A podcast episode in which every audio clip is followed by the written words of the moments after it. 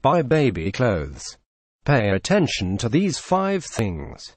iMagz.id Baby clothes. The birth of a baby is a moment that every age awaits. Especially if it is the birth of an early baby, all the feelings will be mixed in this kind of atmosphere, but you must always be calm and prepare psychologically and also other things that are needed when the baby is born later.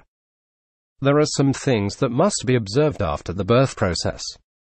One of them is prepare clothes for the baby.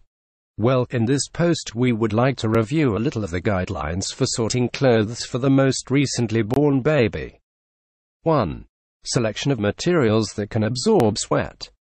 Baby's skin is still very sensitive with various things, so that there is no irritation to the baby's skin.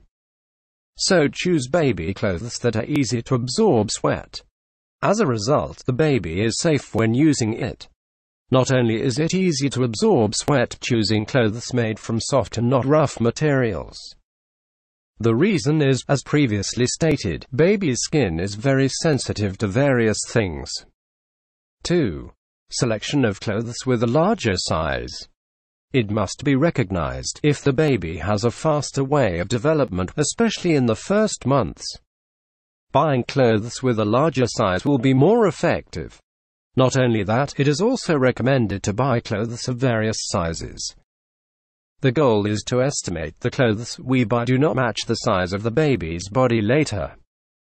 If we buy baby clothes that are the right size, so that the period of wearing them will also be a little, so be wise in using your money. You must be able to arrange your finances for the future of the baby to be positive for his life or education in the future. 3. Simple and easy model selection. Pay attention to the form of clothing when buying it. It is advisable not to buy collared baby clothes because it can make the baby insecure because the body is moving a lot. Choose a model that is common and easy to use. Buy baby clothes. Pay attention to these five things. Using a complicated form can indeed be pleasing to the eye. But you must be able to prioritize the comfort of your baby. 4. Thin clothes selection.